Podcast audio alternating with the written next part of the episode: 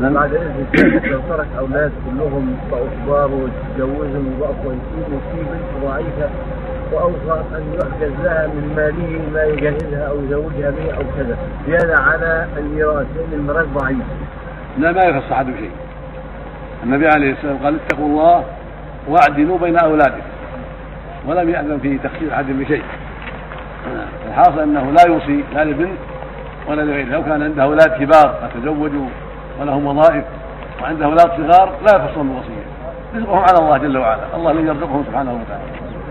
الميراث بين الجميع بين القوي الغني اللي يملك الملايين وبين القاصر الضعيف على حد سواء كما قسم الله بينهم. ولا يجوز أن يخصص الضعيف منهم بشيء. هذا هو الصواب من اقوال العلماء. يقول النبي صلى الله عليه وسلم اتقوا الله واعدلوا بين اولادكم